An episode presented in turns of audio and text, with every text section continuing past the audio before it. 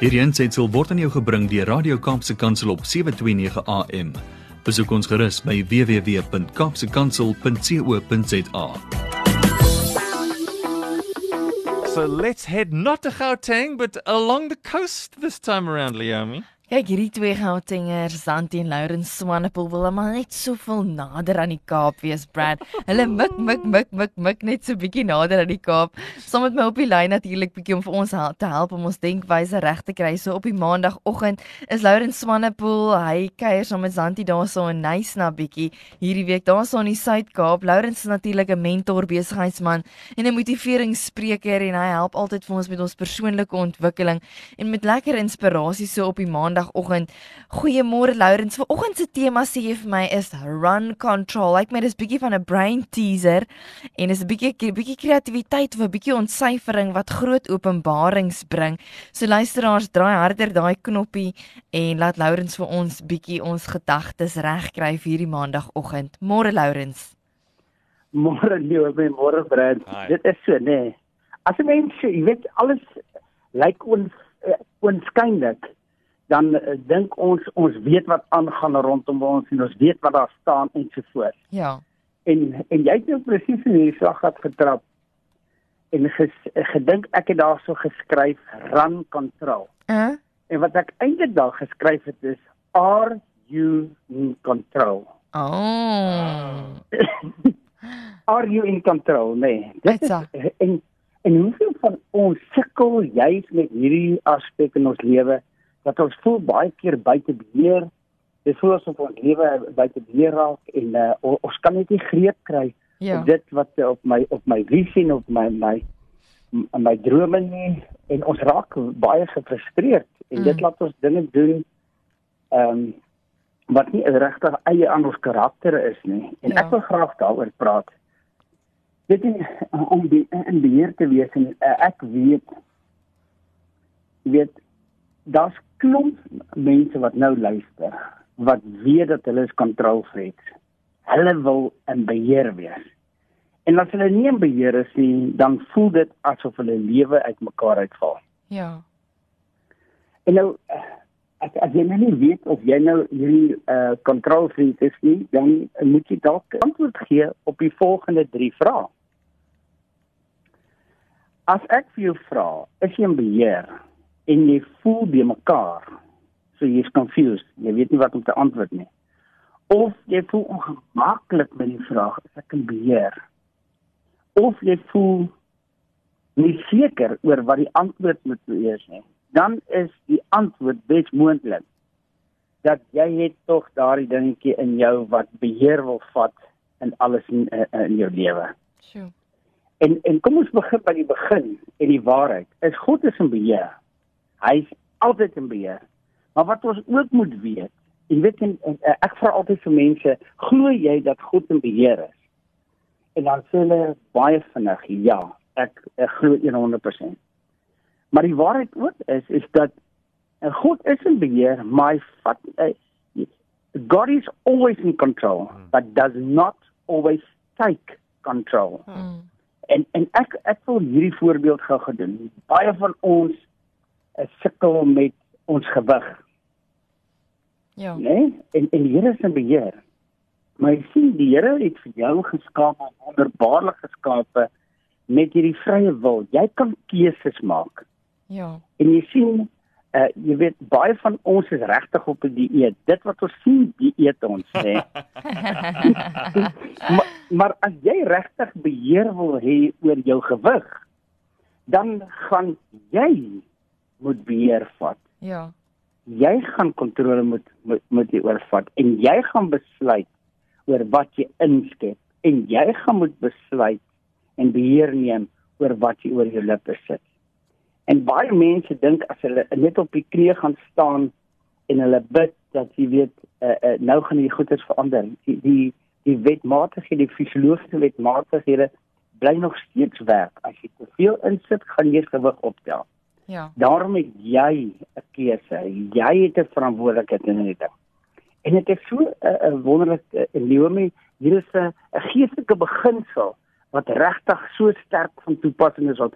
En baie mense van ons, baie van ons uh, het baie laat in ons lewe eers tot hierdie waarheid gekom. Ja. Ons almal wil in autoriteit staan want ons is kinders van die Here en ons wil in autoriteit staan en ons wil in autoriteit staan in in die meeste fasette van ons lewe. Mm. Maar jy sien, die woord leer ons take responsibility is die eerste ding. Then authority. Mm. Jy weet ons millennials, ek het nou klomp millennials, nê. Nee. Hierdie ouens kom ek, my, seun is 'n siviele ingenieur. En ek gaan nooit vergeet hy het 'n jaar en 'n half gewerk Ja. en hy kom by my en hy sê hy's gefrustreerd. Maar nou sê vir my, "Pa, ek is gefrustreerd." Ek sê, "Hoe "Oh, kom as jy gefrustreerd?" Maar hy sê, "Ek is nog nie in 'n bestuur, ek is 'n ingenieur. Ek is nog nie in 'n bestuursposisie nie. Oei. Ek bedoel, ek wil verantwoordelikhede hê, man. Ek wil ek ek wil ek wil regtig in hierdie autoriteit staan. Ek bedoel, ek is 'n ingenieur." Ja. Ek sê vir Marlo, hoor nou mooi. Die woord sê ons moet eers verantwoordelikheid opneem. As jy die verantwoordelikheid opneem, dan gaan autoriteit vir jou gegee word. Sjoe. En dit wat ons moet doen is ons moet autoriteit, ag ons moet die verantwoordelikheid opneem om aan die bestuur van ons eie mentaliteit te, te kom. Mm. En ons het nou al gesien in in Leomi ons praat konstant daarvan wat want mentaliteit is die groot verskil tussen die sou-sou mense, die stressed out survival oriented Ja. mense by dan en ek sien dit soos wat ek beweeg rond ek sien ek en dit is nie baie lank in in 'n gesprek waar jy besef maar hierdie persoon is die tipiese voorbeeld van 'n stressed out survival oriented dit sê hele lewe gaan net om te oorleef sy hy oorleef sy werk hy oorleef sy baas net hy oorleef sy maandeinde hy oor dit is net hierdie oorlewingsstryd En dan is daar mense wat oënskynlik nie hierdie oorlewingsstryd uh, stry nie. En ek verwys na hierdie ou as die eiland op ons vertreffelikheid. Maar wat is die verskil? En die navorsing het dit baie duidelik nou gewys. Die verskil lê in ons mentaliteit. Wat aangaan? Wat gaan aan in jou en my kop en ons hart, Mm. harte en ons na in ons hande. Mm. En nou uh, is dit die belangrike ding. Jou mentaliteit word opgesom. En belangrik nou. Jou mentaliteit kan baie vinnig opgesom word deur die te luister na wat die vrae is wat jy vra tydens selfspraak. Met ander woorde, as jy op jou eie is en jy begin uh vra vra aan aan aan, aan jouself en jy vra hierdie vraag: Wat is fout met my? Mm. En wat is my probleem? Weet ek uh, ek saam met my gesin ek ek het saam met my ge, ge, gesin gegaan. Hmm. Skus, ek kon net gou hier nog uh iemand het my nou gebel. Ehm um, ek het saam met my gesin in 'n restaurant gaan sit Ja. gister en uh, ons ons sit so en hulle wys vir ons ons plekke aan en ons gaan sit Mm. en ons het spesifiek gegaan vir 'n spesifieke ding wat hulle as uh, op op 'n sogenaamde special het. Mm. En toe ons daar aankom en hulle gee die goeder uit en ons vra maar luister, so kan julle net vir ons weer uh, hierdie uh, special gee en die persoon se naam is ek ons is jammer. Uh, uh, die special is uit, uh, daar is nie meer beskikbaar nie. Sjoe. Nou sit ons daar so met die dilemma en en my kinders ek sê vir hulle maar dit is maklik. Kom ons staan op en ons loop dan want ons Ja. het wou spesifiek dit en my kinders sê nee nee nee pappa wat is fout met ons as ons nou opstaan wat gaan ons gebeur? Ja. En daar's soveel mense wat nou nou s- struikel juis met hierdie ding van wat is fout met my? Ja. En hierdie waarheid en ek ek uh, die, die belangrike ding om te weet is die vraag wat jy vra direct the integrity of your thoughts Mm. the questions you ask direct the integrity of your thoughts. Ja. En hier is die drie vrae, Leonie. Drie vrae wat ons konstant vir onsself kan vra om ons te help om ons mentaliteit in beleiding te bring, om ons kop, ons hart en ons hande in beleiding te bring. Mm. En die eerste vraag is: Wat maak dit saak as ons nou opstaan? Want ek vra dit vir my kinders. Hulle sê my pappa, ons kan nie opstaan nie. Ja. Ek sê my kind, ons het gekom om hierdie ding te eet. Wat maak dit saak as ons opstaan? Ja. Sê net dit maak seker niks saak nie want ons het nog niks bestel nie. Ons het nou net hier aangekom. Ek sê daarom mag ons maar opstaan en Ja. ons kan gaan en ons kan na 'n ander plek toe gaan. Dis die eerste vraag. Wat maak dit saak?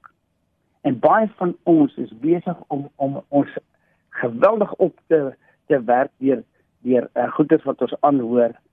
Uh ons moet vir onsself die vraag vra. Teen enige ding wat gesê word of gedoen word, Mm. wat maak dit saak? Die tweede vraag is wat beteken dit? En en, en ek sê dit nou vir my kinders, wat beteken dit dat as ons nou hier opstaan? Beteken dit dat ons hou nie van die plek nie? Mm. Uh, beteken dit ons hou van die nie van die kelder nie of van die besieder nie. Nee dit beteken ons kan net nie nou kry wat ons wil hê nie. Is Ja. niks teenoor die persoon nie. So wat beteken dit? En die derde vraag wat ons is wat gaan ons kies? Wat gaan ons kies om te doen? Wat gaan ons kies om te sê? Wat gaan ons uh, kies om te glo? En as 'n mens daai drie vrae vra my Mm. Uh deur jou lewe en jy jy sit bietjie en jy struikel met jou met en jy worstel met jou mentaliteit. Dan vra jy hierdie drie vrae. Mm. En nou laaste is so belangrik. Wat gaan ek kies om te doen? Wat gaan ek kies om te sê? En wat gaan ek kies om te glo? Ja. Want die vraag wat ek en jy vra, bepaal die integriteit van ons denke. Ons neem so vinnig aanstoot Ja. en en hierdie drie v- vrae gaan ons vra en nou wil ek net die uh, die dings uh, finale opmerking maak en sê van ons ons moet weet dat offense is never given Mm. it's Mm. always taken Ja. Mm. Mm. né en en as as ons offended raak in ons lewe Ja. dan blok dit die vloei van die gees dit Yes. blok ons mentaliteit Ja. En hoeveel keer van ons uh uh hoeveel van ons gebeur dit nie dat ons nie weet as ons uh, uh, regtig 'n uh, anger beleef nie, Mm. ons ons word kwaad. Mm. Die oplossing is vra die, die, die drie vrae. Ja. Wat maak dit saak? Wat beteken dit en wat gaan ek kies? So. As ek onseker voel in myself, vra die drie vrae. Ja. Wat maak dit saak? Wat beteken dit en wat gaan ek kies? Mm. as ek my ego vooruit uh, hardloop met my in 'n situasie vra daai drie vrae. As ek gemanipuleer en beheer voel vra daai drie vrae wat maak dit saak? Wat beteken dit? En wat gaan ek kies? So. jy sien liewe my jou mentaliteit en my mentaliteit ons het beheer daaroor. Ja. en ons kan ons regtig bring van 'n plek waar ons stres out se ware oriëntasie is na 'n plek waar ons God se vrede en eh, God se vreugde beleef omdat ons in beheer is van ons gedagte wêreld. Hierdie aansetsel is aan jou gebring deur Radio Kaapse Kansel op 729 AM. Besoek ons gerus op www.kaapsekansel.co.za.